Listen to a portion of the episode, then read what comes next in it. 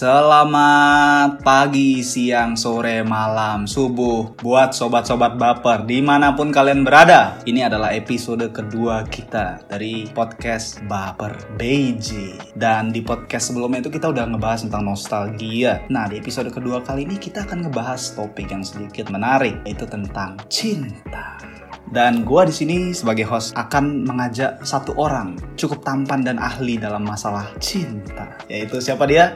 Richard Anggada. Tangan buat Richard Anggada. Halo sahabat baper, nama gue Richard. Gue sekarang sekolah di Renmin University of China, menduduki S1 dan sekarang gue akan menceritakan tentang cinta gue. Oke, jadi Richard sekarang ada pacar? Gak ada nih, lagi mencari, lagi mencari. Oh, available, nggak ada. Available. Lagi mencari. jadi buat sobat-sobat baper, jika ada peluang itu kita harus bisa memanfaatkan. Jadi banget, siapa bro. tahu jodoh gitu ya. Jadi tetap mendengarkan podcast ini sampai terakhir. Benar. Jangan di skip skip.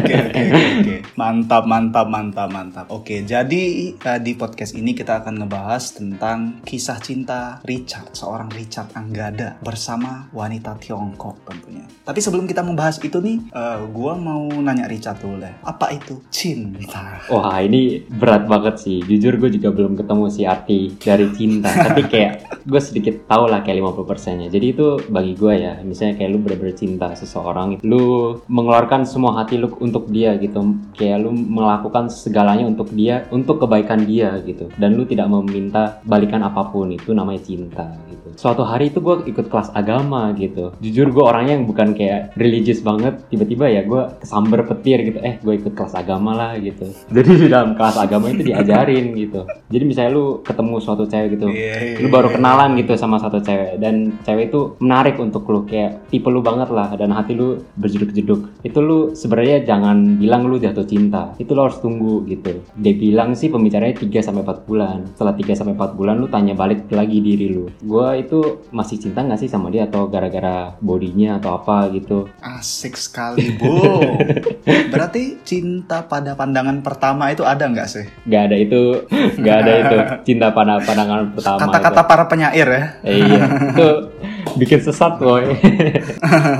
Oke oke oke. Jadi di podcast episode kedua ini kita kan membongkar kisah cinta seorang Richard gitu dengan mantannya yang wanita Tiongkok gitu ya. Gua mau nanya nih, awal mula kisah asmara ini bagaimana sih? Apakah seperti di film-film gitu ya? Eh, lu ketabrak terus kacamata dia jatuh lu ambil atau gimana? Coba coba ceritain dulu gimana. Oke. Awalnya tuh gimana sih? Gua jadi penasaran. jadi tuh pertama-tama itu 2019 Februari. Jadi Februari itu gue masuk, gue datang ke China untuk belajar bahasa satu semester. Gue belajar bahasa pas itu di BLCU, Beijing Language and Culture University. Itu gue rekomend banget sih ini apa universitasnya. Jadi itu tuh pas gue datang ke ke Beijing, kayak gue merasa oke gue harus bisa Mandarin gitu. Gue balik ke Jakarta nggak bisa Mandarin kan itu kayak bikin malu banget gitu. Berarti kalau misalnya lu balik ke Jakarta bisanya bahasa Arab gimana? Wah shock mungkin mereka. Waktu gue shock. Shock ya.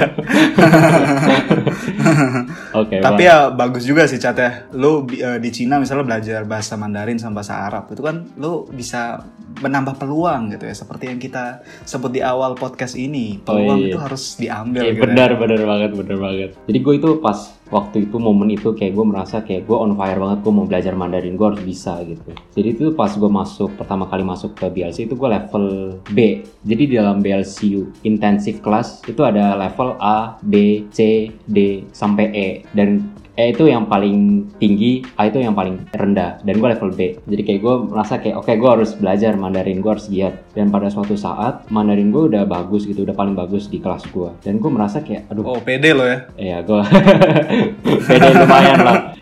Jadi di- pada suatu saat kayak gue merasa mainin gue kayak nggak ke-improve banget. Soalnya gue juga udah paling eh, salah satu student yang paling hebat juga di kelas dan gue merasa kalau gue ngobrol sama temen-temen kelas gue kayak gue yang malah yang ngajarin mereka gitu. Dan selama makin lama gue ngobrol sama temen-temen kelas gue, nada gue makin hancur. Soalnya kayak mereka pakai nadanya salah. Terus kayak gue juga ke-influence sama nada mereka. Akhirnya gue juga mengingat nada yang salah gitu. Lu juga gitu gak sih? Iya, gue gue merasakan itu. Kayak misalnya pas ngomong sama teman-teman gue tuh, nisi, nibusi, nisi, nisi sei.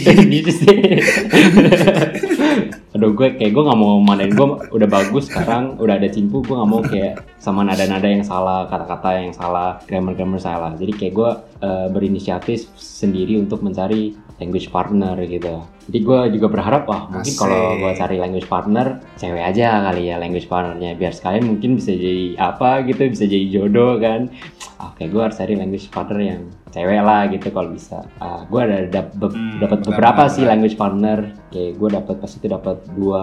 Yang pertama ya kita ngobrol biasa. Tapi ya gue nggak merasa apa-apa nggak merasa connect ke dia. Dan yang kedua ya lumayan cantik sih. Tapi kayak balik lagi kayak gue nggak merasakan apa pun di hati gue jadi kayak gue udah udah mulai desperate gitu kayak aduh gue harus gimana ya Mandarin gue nggak bagus-bagus gitu. Gue udah cari language partner nggak ketemu terus juga nggak gitu cocok. Akhirnya kayak gue udah tinggal dua bulan kan pas itu sebelum gue balik ke Jakarta. Jadi kayak gue akhirnya pikir-pikir apa gue cari di Tinder ya? gitu di Tinder di China 哇哟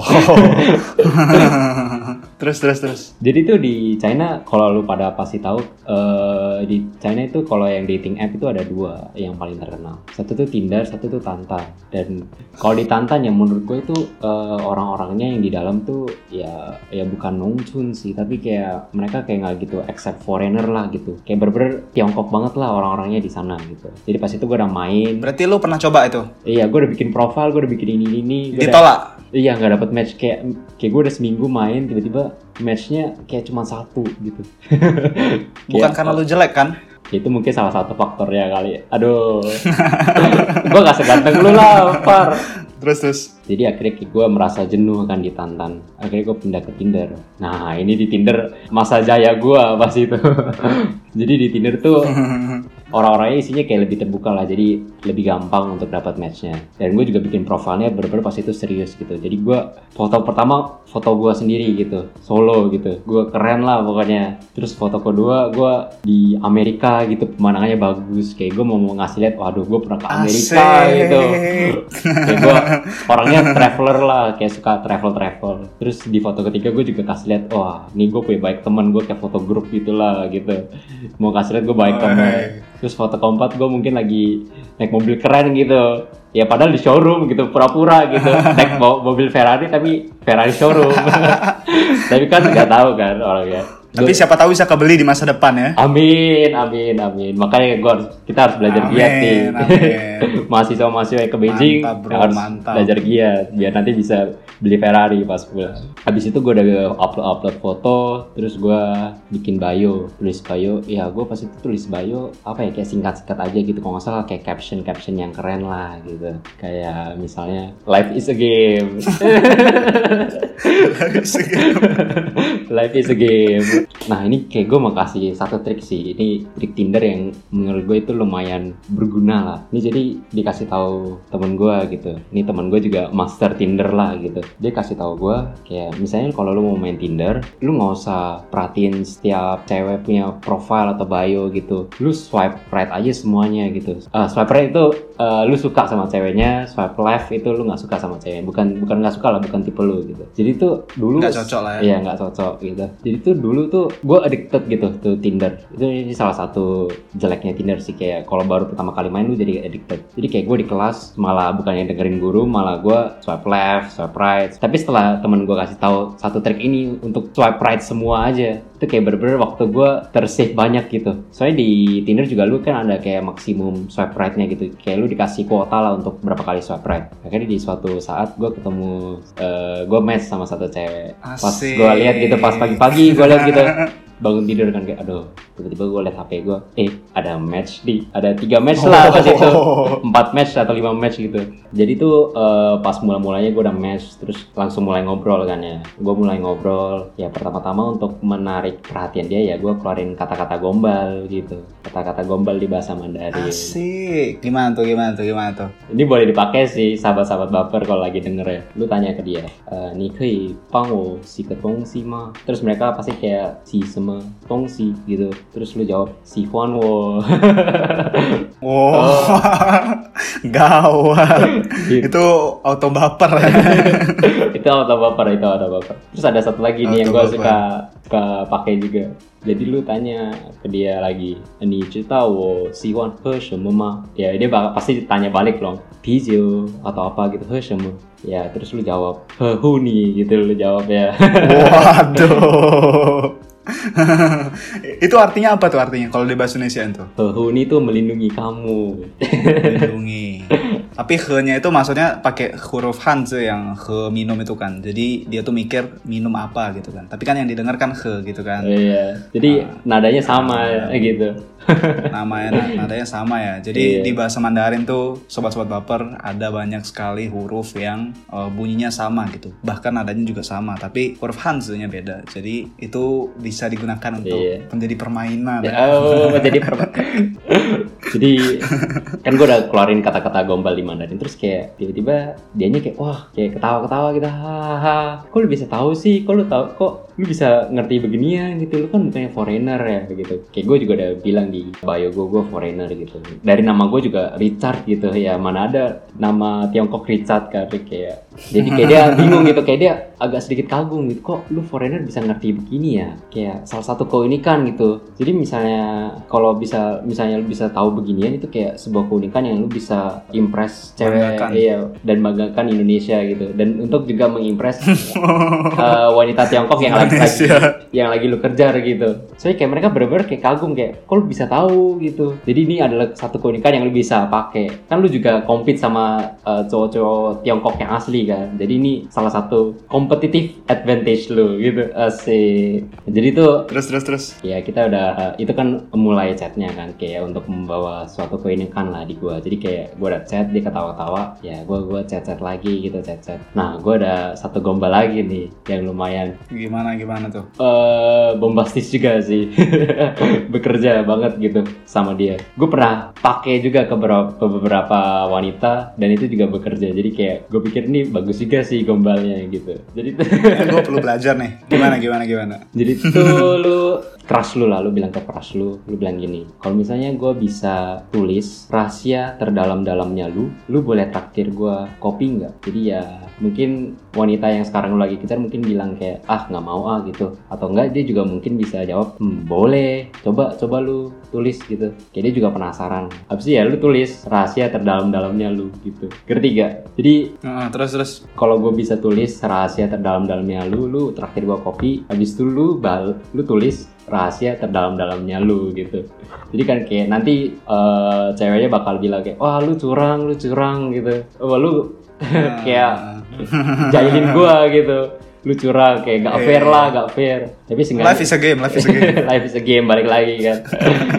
Tapi seenggaknya lu kayak eh, menarik perhatian dia gitu. Dan juga bisa menjadi suatu topik gitu. Jadi kayak lu bisa nanti bisa bawa-bawa lagi kayak wah lu kan traktir lu tanggo kopi gitu. Jadi kapan dong gue ditraktir gitu. Gue udah bisa cium harumnya kopi nih. Aduh kayak gue pengen banget minum kopi. Jadi kayak lu bisa bawa-bawa lagi gitu topik kayak gini. Untuk Hmm, dapet iya, date iya, gitu. indirectly ngajak ngedate gitu. Itu adalah trik gua Ngajak sih ya. gitu. Biar nggak ke pressure juga ceweknya gitu. Terus terus. bekerja sih ke dia dia kayak ah curang lu curang lu. Ya udah habis ya gue jawab ya oke. Eh nggak bisa dong kan udah janji gitu. Berarti lu traktir gue kopi dong sayang gitu. Jadi ini Ini lu mempermainkan ya. ya nggak permainkan sih. Terus terus. di saat ini itu kita masih belum ketemu gitu jadi kita masih chat di Tinder. Kan dia traktir gue kopi ya gue tanya eh kapan lu bisa traktir gue kopi? Gitu kan kayak gue juga mau ngeliat aslinya kan. Kalau tiba-tiba gue chatnya cowok kan ya gue nggak mau gitu kan. Jadi gue mau lihat asli dia kan jadi Jangan sampai ya. Iya, kayak gue mau make sure lah itu bukan cowok gitu yang gue chat. Jadi gue chat dia gitu. Eh kapan nih lu bisa? Iya, iya, iya. Eh kapan lu traktir gue gitu? Ya dia pas itu nggak tahu sih kayaknya alasan lah gitu kayaknya. Iya dia bilang kayak aduh gue ada urusan nih begini begini begini. Ya mungkin gara-gara kita ketemu di Tinder juga mungkin dia kayak sedikit was-was lah gitu hati-hati gitu. Wah gue takut nih Richard penjahat gitu. ya pasti Waduh, waduh, waduh, waduh. jadi terus terus. ya gue ya gue oke lah oh ya udah nggak apa-apa ya gue ngerti juga gitu. Jadi gue nggak maksa-maksa terus untuk ketemuan.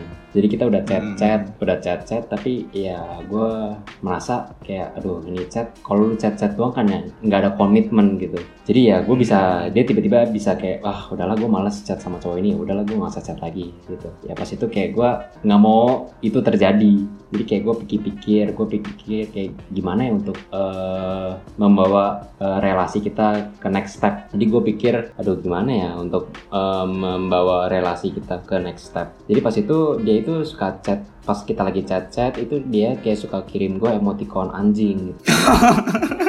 Gitu. Itu bukan menghina lu kan? Soalnya sekarang lagi bilang muka gue kayak anjing gitu ya. Anjing-anjing lucu-lucu gitu lah, anjing-anjing lucu gitu. Dan kebanyakan anjing yang dia kirim itu anjing pom. Jadi ya gue pikir-pikir apa gue beliin boneka aja ya gitu. Ya gue pas itu gue merasa oke ini ide bagus sih. Jadi eh, gue bentar lagi pas itu seminggu lagi gue udah mau balik ke Jakarta gitu. Jadi ya untuk biar dia nggak menghilang gitu ya gue kasih dia suatu impression lah gue mau eh, impression yang besar gitu ke dia. Jadi pas itu gue ke Wang Fucing gitu gue gue ke Wang Fucing gue jalan-jalan. Baper, baper. gue jalan-jalan kayak gue ke toko mainan gitu. Terus akhirnya ketemu gitu satu boneka anjing gitu anjing pom cocok lah gitu. Jadi gue beli anjing pom ah, boneka anjing pomnya. Terus gue pikir wah Oke, gue bakal kasih dia ini sebelum gue pulang ke Jakarta. Gue bakal kasih ini. Terus kasihnya gimana ya? Kayak, aduh, kalau gue tanya alamatnya rumah dia, kayak merasa kayak kayak lu ger- gercep banget gitu langsung minta alamat rumah gitu. Kayak juga eh, privacy lah gitu. Gue respect privacy dia kan. Jadi gue pikir-pikir gimana ya untuk cara kirim bonekanya. Terus ya gue ketemu ide, ide gitu. Jadi kan dia udah kerja gitu. Dia udah kerja. Dia itu tiga tahun lebih tua lah daripada gue. Dia itu kerja di suatu eh, klinik kecantikan gitulah, plastic surgery gitulah, eh, klinik kecantikan Korea gitu. Jadi daripada gue kasih ke rumahnya, mending gue tanya alamat kantornya gitu. Sedikit nggak privacy kan, sedikit kayak boleh ditanya lah seenggaknya. Boleh coba ditanya. gitu. Berarti lu totalitas ya? pokoknya ya gue mau gercep lah gue mau kasih gitu pokoknya. Gue udah decide gue mau kasih jadi gue tanya. Kayaknya enak deh ya, yang apa namanya, yang jadi yang jadi cewek lu nih kayaknya enak ya. Soalnya kalau jadi cewek lu tuh udah di, udah dibeliin boneka anjing, terus dianterin lagi gitu ya. waduh. Kalau jadi jadi cewek gue tuh nggak enak, soalnya itu gue beliinnya Kinder Joy paling, habis itu gue antar pakai Gojek gitu. jadi oke balik lagi. Gue akhirnya gue tanya gitu eh alamat kantor lu apa? gitu. Eh gue sebelum ke Jakarta gue mau kasih lu sesuatu nih sebelum gue pulang. Jadi kan gue udah tanya gitu Eh gue udah tanya alamat kantornya terus dia kasih gitu dia kasih alamat kantornya. Untungnya dia kasih gitu. Jadi gue bilang oke nanti gue pakai quality ya gue kirim ke lu gitu besok jadi pas keesokan harinya kayak gue bingung gitu. Gimana ya pakai cara pakai quality gitu untuk kirim barang? Gue kayak bener-bener Mandarin gue masih biasa-biasa aja. Terus gue baru datang ke Beijing gue belum ngerti apa-apa kan. Kayak gue bingung aduh gimana ya cara pakai quality kalau di Indo kan lu tinggal pesen Gojek gitu suruh Gojek ambil itu gampang kan. Iya. Kalau di uh, kalau di Beijing gue bener-bener nggak tahu gitu. Gue blank. Gue kayak nggak tahu. Jadi kayak gue pikir-pikir aduh gimana ya? Apa gue langsung kasih ke sana aja gitu? Apa gue langsung ke kantornya dia gitu jadi kayak pas itu sih ya 5 jam sebelum akhirnya gue decide untuk datang ke kantornya langsung. 5 jam sebelum gue pergi untuk ke kantornya kayak gue merasa confident banget gitu. Ah gue tinggal pesen titi kasih apa taruh alamatnya di dalam app titi terus ke kantornya dia buka pintu titi tutup pintu taksi titi terus ke depan kantornya buka pintu terus ke resepsionis bilang gue ada kado untuk ini. Gue nggak ngomong orangnya gue nggak na- eh, gue nggak kasih tahu Oh, iya, namanya. iya. Sensor, sensor. sensor, sensor. Jadi gue ke resepsionis gue bilang, oke, gue mau kasih untuk dia gitu. Terus gue balik badan kayak orang keren gitu, kayak gue di imajinasi. Kenapa? Itu namanya di sensor itu bukan Jack Ma kan? bukan, bukan. Bukan ya? Wah, kalau Jack Ma sih boleh aja sih. Gue jadi kayak apa? Dia jadi sugar daddy gue gitu. Waduh, waduh. BTW, sobat-sobat baper yang tadi dibilang sama Richard itu ada Didi sama Kuaidi ya. Jadi Kuaidi itu uh, di Cina tuh istilahnya kayak kurir gitu. Kayak kurir kayak gosen lah ya di Indonesia. Kalau Didi itu adalah perusahaan taksi online gitu. Jadi kayak Uber atau enggak kayak Gokar lah ya istilahnya. Bener. Terus terus terus selanjutnya gimana? Setelah balik badan gimana tuh, Chat? Setelah balik badan gue pikir gue bakal keluar kan. Itu kayak masih di imajinasi gue gitu. Tapi kayak sejam sejam sebelum gue ke kantornya dia kayak gue gue kena pressure gitu. Takut gitu kayak aduh kayak gue kena pressure gue nggak berani gitu. Tapi ya untungnya gue ada temen gitu. Untungnya gue sama temen gue. Jadi gue bilang "Eh, bro temenin gue dong untuk ke kantor dia gue nggak berani sendiri gitu. Kalau Andreas lagi dengerin Ah. shout out to you bro. Jadi temen gue Andreas ikut sama gue gitu untuk temenin gue. Jadi kita pesen TV ke kantornya dia. Terus sebelum gue kasih, terus sebelumnya juga gue udah semprot banyak minyak wangi gitu ke bonekanya gitu. Minyak wangi gue gue semprotin gitu biar Wow. Wangi gitu.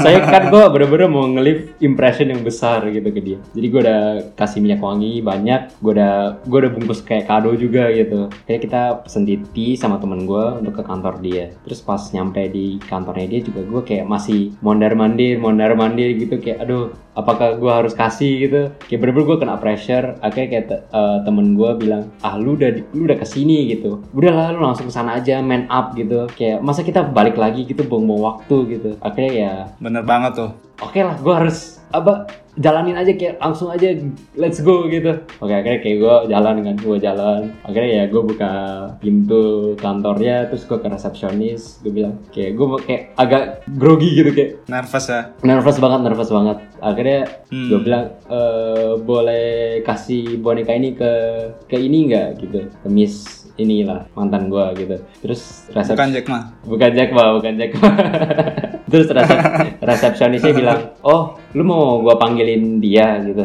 Terus gue bilang enggak enggak enggak enggak enggak enggak. Gue cuma mau kasih ini aja gitu ke dia. Terus si resepsionisnya bilang oh ya udah gitu. Akhirnya gue balik badan kayak hati gue bener-bener kayak kayak lega banget setelah gue kasih bonekanya. Tapi gue belum ketemu gue kasih ke resepsionisnya. Terus setelah gue keluar dari kantor tiba-tiba kayak gue di chat gitu sama dia. Wah kok lu berani banget gitu datang ke kantor gue gitu. Kayak wah kayak dia sedikit agak sedikit marah sih. Tapi dia juga kagum juga gitu kayak nih cowok berani gitu Cie. Terus- cie cie Iya. cie. Ah, Terus- baper. resepsionisnya juga bilang eh tadi ada orang ganteng dateng kasih lu hadiah gitu. Ini beneran dibilang ganteng kan sama resepsionisnya atau beneran enggak? beneran beneran gue gue nggak bohong gue Oh beneran. Jadi pas gue baca juga gue bangga gue gak jelek lah di mata resepsionisnya gue gak jelek akhirnya itu benar-benar kayak leave a very big impression ke dia lah kayak ber- eh, berani gitu ke kantornya untuk kasih hadiah padahal belum ketemu gitu. Eh, saat itu dia itu suka lagi suka sama coworkernya gitu. Gimana ya? Ya ada agak aneh sih relationship kita. Jadi kayak dia suka sama coworkernya ya dan juga gue belum baper juga sama dia gitu. Ya gue cuma ngechat ngechat doang. Kayak gue tertarik aja gitu sama dia. Jadi gara-gara gue kasih boneka itu kita kayak mulai ngobrol yang mulai ngobrol lebih deep lah gitu. Kayak ngobrol tentang kehidupan lu gimana terus terus juga gue kasih saran-saran juga ke, ke ke dia gitu. Yaitu membawa dengan boneka pom itu membawa relasi kita untuk membicarakan topik-topik yang dalam gitu. Ya daripada kita cuma chat yang biasa-biasa aja kayak eh udah makan belum? Kamu hari ini aja ngapain? Gitu kan kayak nggak berbobot kan ya. Pas kita chat Iya. ini kayak gue lumayan seneng lah gitu. Oke kita berhasil ke step berikutnya gitu jadi pas itu gue juga ada mau balik kan ke Jakarta hari itu gue balik ke Jakarta pas gue di airport dia gue mau bilang gitu mau leave satu impression lagi lah gitu kan biasa kayak di kayak drama kayak drama kan biasa kalau lagi di airport gitu mau kasih apa gitu pelukan gitu atau apa gitu untuk perpisahan lah gitu dramatis gitu gue mau bikin Iya, lebih dramatis, dramatis gitu. ya. jadi gue pikir-pikir oke gue bakal Hmm. Tulis satu kalimat lah gitu. Terima kasih kayak selama ini kayak dua minggu ini setelah chat sama lu hidup gue lebih berwarna gitu lah. Begitu begitulah kayak agak jijik sih. Tapi ya gue mau mencoba Ah. gitu. Gue mau mencoba kan. Gue udah tulis-tulis gue udah perbagusin. Akhirnya ya gue send gitu. Gue send. Eh ternyata dia cuman bales save flight gitu kayak dua kata doang kayak gue Serius. Dua gitu doang. Terus terus. save flight kayak gue merasa apa gue salah step ini gitu kayak gue bingung banget kayak gue udah tulis 5 sentence gitu dia cuma balas save flight kayak gue wrong move banget gitu Iya iya iya. iya. Bahasa gaulnya itu di friendzone gak sih? aduh kayaknya enggak sih gue percaya gue udah Enggak ya. A very big impression sih Asik. Iya iya iya. Terus terus. balik lagi balik lagi saran-saran gue sih kalau misalnya kayak lu mau eh, cari pacar Tiongkok tapi kayak lu nggak confident gitu gimana sih Mandarin gue kayak bener-bener jujur Mandarin gue juga biasa banget gue level B bagi yang ngerti level Mandarin gue level B itu bener-bener level A itu paling bawah dan gue kedua paling bawah gitu jadi ya kalian bisa ngerti lah. Iya, kalian bisa iya. tahu gimana sih Mandarin gue bener-bener Mandarin gue itu terbatas banget. Tapi gue nggak malu gitu. Gue apa yang ada di otak gue gue udah pikirkan Mandarinnya mau ngomong apa. Ya gue langsung kirim aja gitu. Gue nggak merasa oh ini gue takut salah gitu salah ngomong atau apa. Atau grammarnya salah. Nggak apa-apa gitu lu langsung kirim aja ke eh, gebetan lu atau crush lu gitu. Nanti juga pasti dia bakal kayak benerin gitu. Nah ini juga bisa kasih opini-opini juga. Jadi ya confidence aja gitu. Atau enggak ya lu jawabnya juga nggak usah cepet-cepet juga. Lu pikirin dulu. Lu mungkin cek dictionary. Cinpu gue itu di pas sama dia itu banyak sih. Lumayan banyak sih. Kayak bener-bener gue yang gue belajar di kelas mungkin naikin Mandarin gue 40% pas gue sama dia naik 60% lah gitu. Kayak bener-bener kayak lu Asalkan jangan pas ini ya. Pas apa Asalkan jangan pas lu udah jinbu lu udah tinggi, lu mau bergaul lagi sama teman lu yang nadanya salah jadi rusak lagi. nah bagusnya kalau lu ada itu ya lu chatnya sama dia terus sekali gitu tiap hari akhirnya lu bisa bedain nada yang bener mana nada yang salah yang mana gitu Iya. iya. Berarti Chat kalau HSK 1 kayak gua terus mencari pacar Tiongkok bisa langsung HSK 6 nggak? Itu mimpi bro. Itu lu mimpi. Mending lu bangun aja gitu. Mending eh, kalau realitisnya ya ya paling lu jadi kayak HSK 4 lah HSK 5 intinya sih kalau gue misalnya gue dapat pacar nih gue kayak nggak mau pacar yang kayak berber cool gitu. Kayak yang berber cool. Gue lebih suka yang kayak gue jadi pacar yang suka lucu-lucu lah gitu yang bawa santai gitu. Gue lebih gue lebih orangnya kayak gitu sih dan mungkin emang dia suka orangnya yang punya pacar yang kayak lucu-lucu juga gitu kalau di K-drama kan biasa cowoknya kayak bener-bener keker gitu kayak serius kan gitu biasanya ya di K-drama kan nah kalau gue sih nggak cocok lah di gue gue lebih suka yang kayak gue lucu-lucu gitu gue bawa santai lucon ngelawak bareng gitu Ah, iya, iya, iya. Asik ya, asik Iya. ya, asik ya. Jadi buat sobat-sobat baper yang ingin menjadi pacarnya Richard, boleh didengerin. prospek bisa prospek, Prospek ya.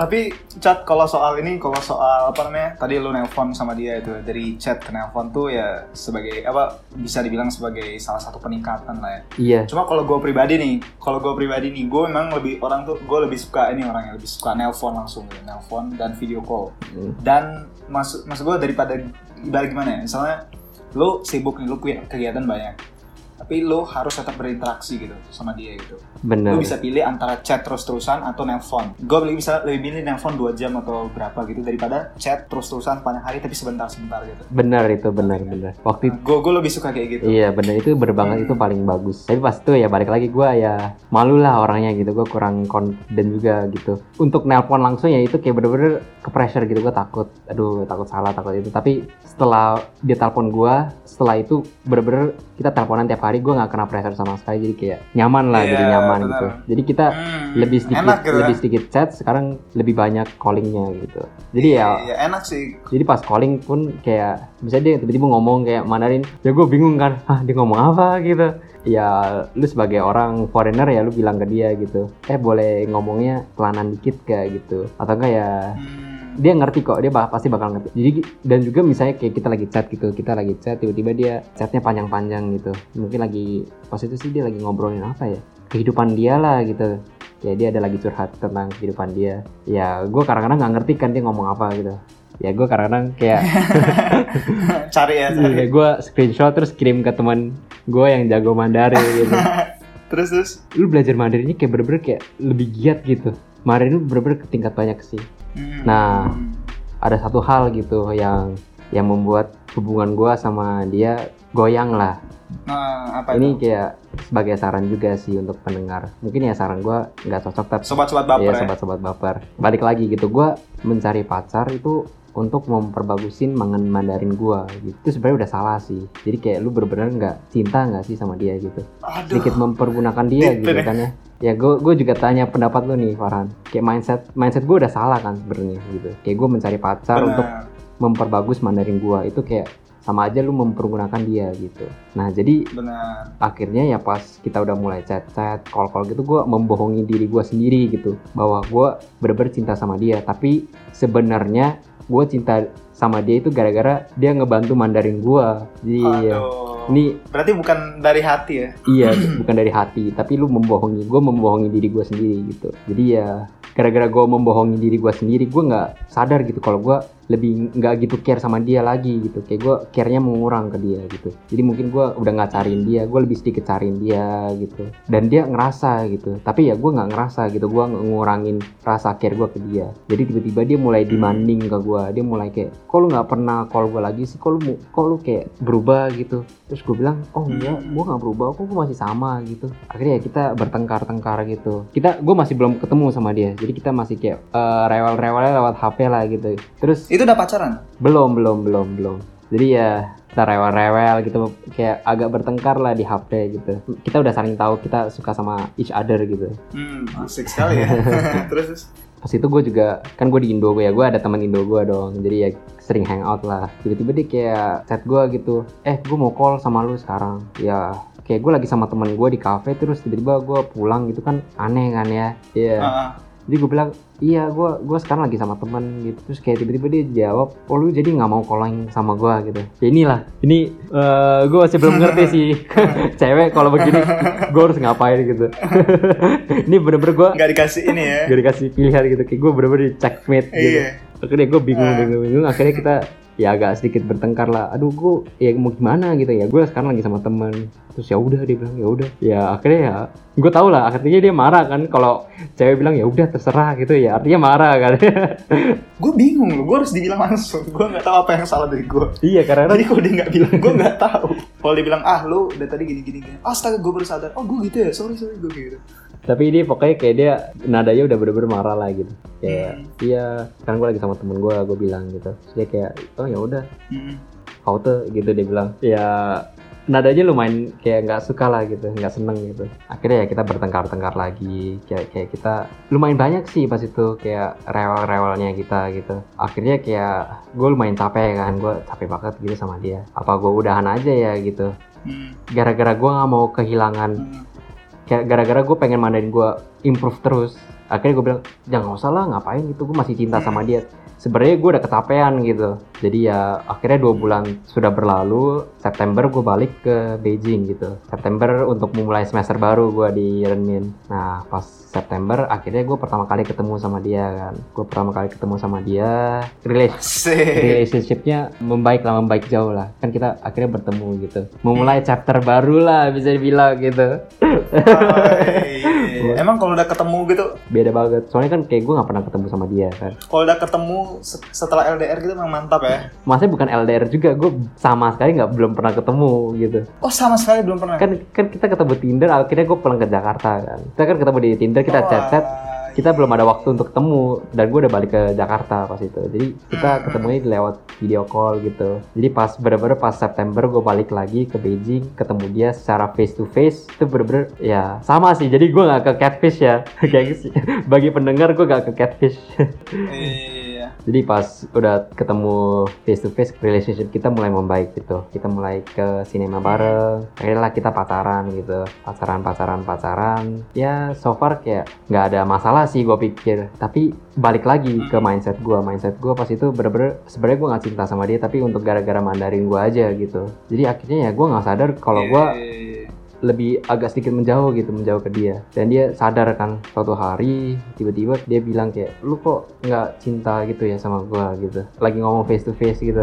Lu menjauhnya gimana? Pas udah di Beijing gitu. menjauhnya itu contoh misalnya dia mau call tiba-tiba gue bilang aduh gue capek gitu gue capek. Tapi emang beneran gue capek gitu. Tapi misalnya kalau lu bener-bener cinta sama satu orang ya lu pasti nggak merasa capek kan? Dan gue merasa capek pas itu salah satu hint lah gitu untuk dia gitu. Lu sebenarnya cinta sama gue gak sih? Kayak gue cuma mau call gitu call lu bilang capek gitu.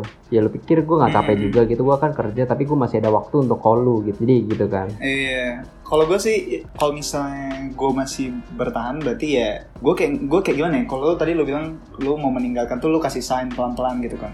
Kalau gue gue langsung gitu loh gue.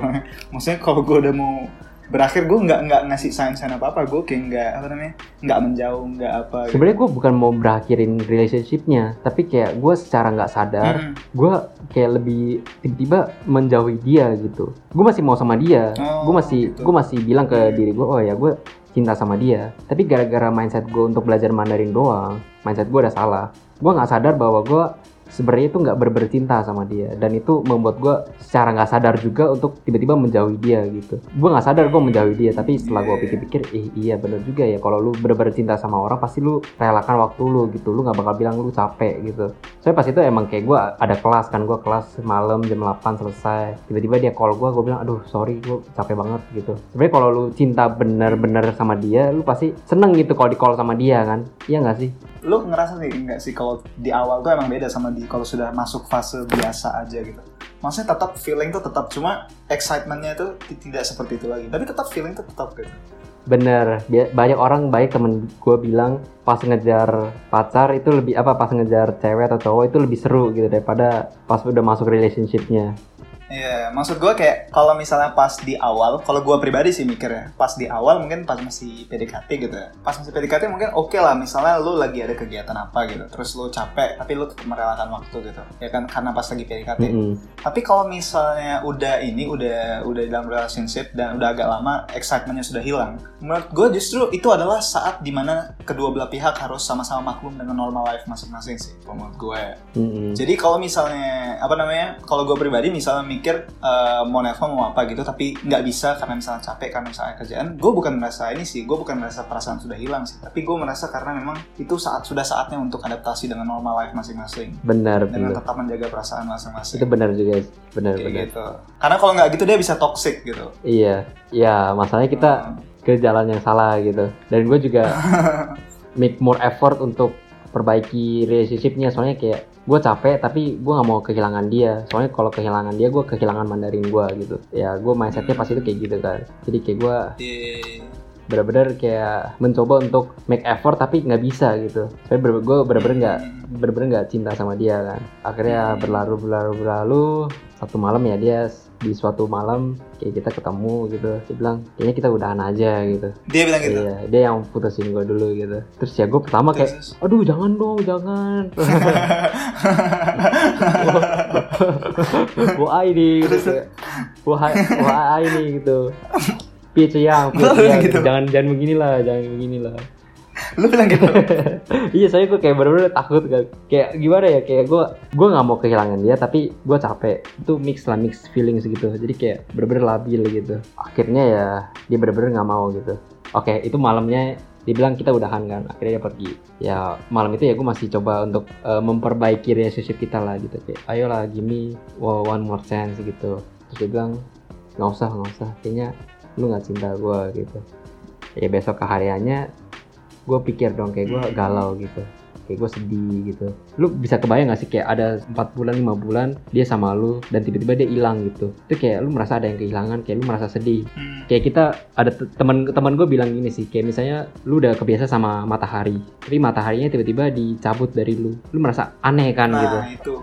Iya, itu itu dia. jadi kayak gue galau gitu kayak gue sedih. Itu yang sulit gue sedih kan.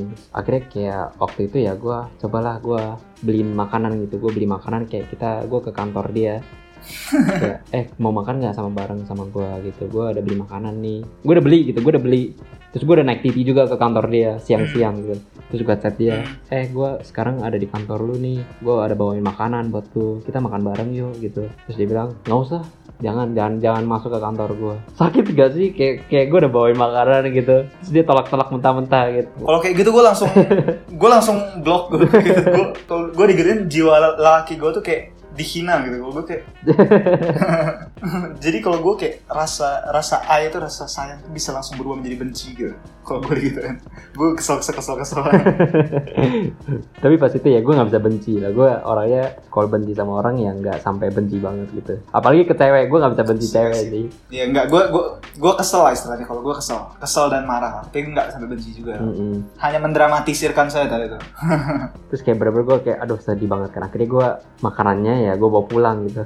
Akhirnya makanannya untuk dua orang gue makan sendiri gitu. makan sedih sedih banget. Itu gue sedih banget. Sedih sedih sedih.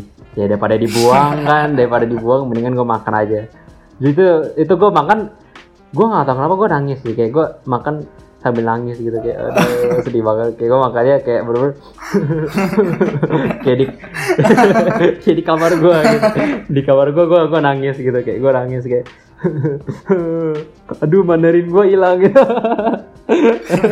Bukan bukan ceweknya hilang tapi gue malah nangisin mandarin gue enggak bercanda bercanda bercanda. Gue nangisin dia lah kayak aduh dia hilang gitu di kehidupan gue tapi ya Eh, akhirnya ya akhirnya gue move on gitu. Gue move on. Ya terus gue pikir-pikir berapa lama tuh? Ya dua minggu.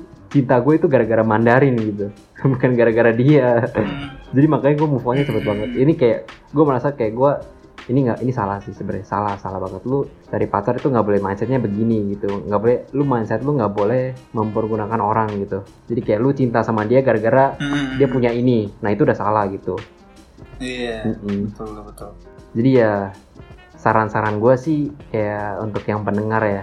Yang mau cari pacar Tiongkok gitu. Sobat-sobat baper kalau mau cari pacar Tiongkok mending bukan untuk mengimprove Mandarin lu Hmm, benar benar benar benar banget benar banget. Cuma kalau gue mikirnya ya paling eh, itu tuh sebenarnya Mandarin terimprove tuh adalah bonus gitu ya, bonus dari sama orang Tiongkok. Gitu. Jadi jangan itu yang dijadikan tujuan. Iya, tapi benar, anggap itu benar. Sebagai bonus. iya soalnya kayak gue sering banget kayak denger-denger dari kata orang gitu kayak kata temen kayak ya lu mau bagus kan Mandarin lu ya lu cari aja pacar Tiongkok pasti bagus gitu tapi sebenarnya jangan Hmm. sih mending lu cari teman aja gitu teman Tiongkok soalnya teman Tiongkok tuh lebih fleksibel ya lu nggak usah lu nggak usah pacarin dia gitu sama ya lebih enak aja gitu.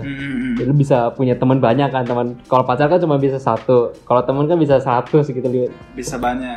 iya ya, ini pelajaran gua sih dan gue juga Hmm. sekarang ngerti gitu kayak the ya gue belum sepenuhnya ngerti tentang cinta cinta sejati itu Asik. Belum ngerti tapi seenggaknya sekarang gue tahu kalau lu cinta sama orang itu lu nggak mempergunakan dia gitu Iya iya iya. iya. Berarti yang tadi di awal tadi kita ngobrol-ngobrol tentang cinta buta, cinta monyet itu salah semua ya. iya cinta yang benar itu Ah. benar-benar lu kasih semuanya ke dia tanpa meminta ambalan Asik. imbalan apa-apa gitu itu mantap Dan di samping itu tidak toksik gitu ya. iya tidak toksik gitu lah saling mengerti lah gitu Saling mengerti. dan berbuah dan berbuah Iya iya iya. Thank you Richard atas waktunya dan atas ketersediaannya untuk datang mengisi episode kedua podcast Baper Beijing kita kali ini.